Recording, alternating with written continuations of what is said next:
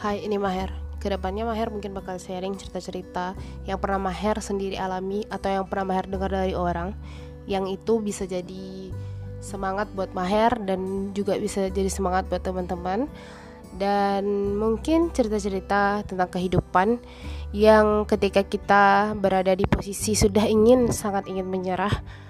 yang ketika kita mendengarkan cerita tersebut atau ketika kita punya cerita cerita-cerita yang bisa kembali menjadi bahan bakar atau energi untuk mengembalikan semangat kita yang lemah atau semangat kita yang udah tidak semangat lagi